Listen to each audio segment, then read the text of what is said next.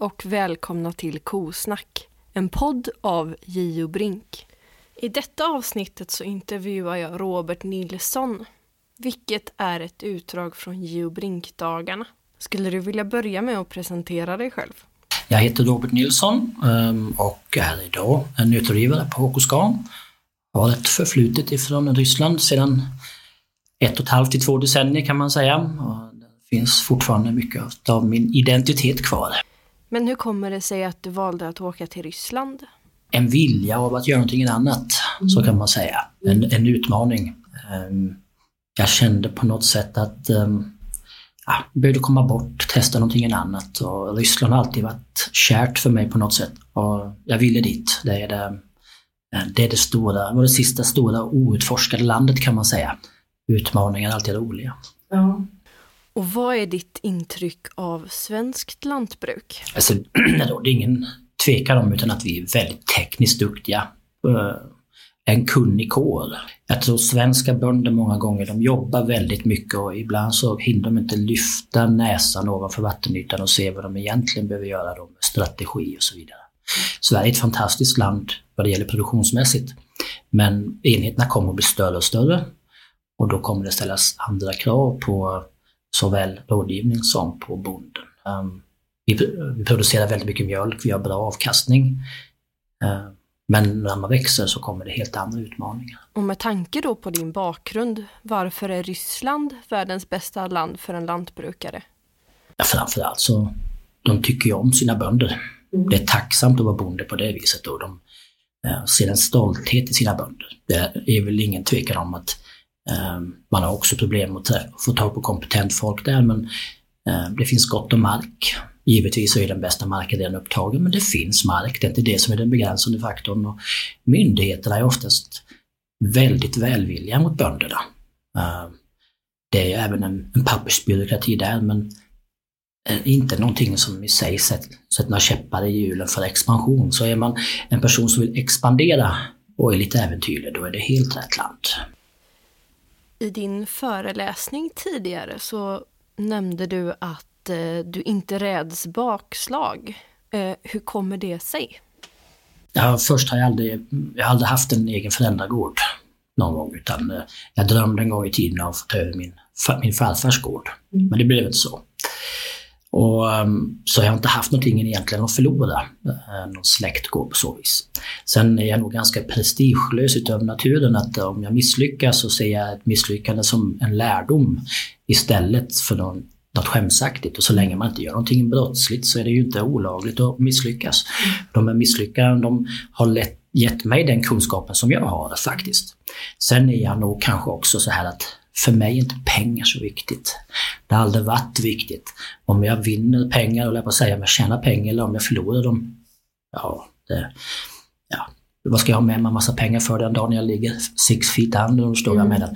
Det är bättre, hela livet är egentligen en skola och jag tycker aldrig bara för att man kommer upp i åldern och blir lite äldre, varför ska man slå av på takten? Man måste alltid vara nyfiken. Mm. Vad tycker du då är de största skillnaderna mellan att driva gård i Sverige och att eh, driva gård i Ryssland? Ja, det är ju väldigt stor skillnad då Dels är det Dels är det byråkratin, det, är ju, det finns ju inget EU där då ju. Du har inget jordbruksverk som sätter, eh, ställer krav på dig, du har inga länsstyrelser som kontrollerar dig på samma sätt och så här då du kan Bygger du en laggård så behöver du inte knappt be om tillstånd och det går väldigt smidigt allting. Sen är det andra saker. Vädret är annorlunda. Det är ett fastlandsklimat. Det är mer extremer exempelvis. I Sverige så har vi ett relativt bra växtklimat med en rätt så låg temperatur. Där har vi kallt på vintern och väldigt varmt på sommaren. Det ställer andra krav på dig som växtodlare också. Logistik. Sverige har en fantastisk foderindustri och fantastisk, fantastiska serviceorganisationer runt omkring som servar bonden. Det har man inte där på samma sätt utan man får leta sina egna rådgivare. Så sammantaget är Sverige ett väldigt tryggt land, även om det kanske inte är lätt men det är tryggt. Medan eh, Ryssland finns det möjligheter men också stora faror. Många upplever det väldigt svårt med personal och sådär. Eh, har du några tips på hur man bygger ett bra team med anställda? Ja, var lojal mot dina anställda. Så kan man säga. Eh, lojalitet eh, är väldigt viktigt och att man, man är tydlig mot sina anställda och att man utbildar och utmanar sina anställda också. Eh, och prata med dem är viktigt. Det innebär inte att man ska ta in dem i familjen men tydlighet, lojalitet, ärlighet. Det är inte alltid frågan om lön. Jag är inte ute och säger att man ska betala mer och mer. Det ska vara roligt för en anställd att komma till jobbet. Den ska, den ska känna att den får ett utbyte av att komma. Mm. Då blir de kvar. För, men för mig i det klimatet jag jobbade så uppskattade jag lojalitet och därmed lojalitet är inte bara en väg, det går två vägar. Tidigare så pratade du också om att det är väldigt viktigt att utmana sanningen. Eh, varför tycker du det är så viktigt? Ja, det är sanningen sanningen. ja, precis.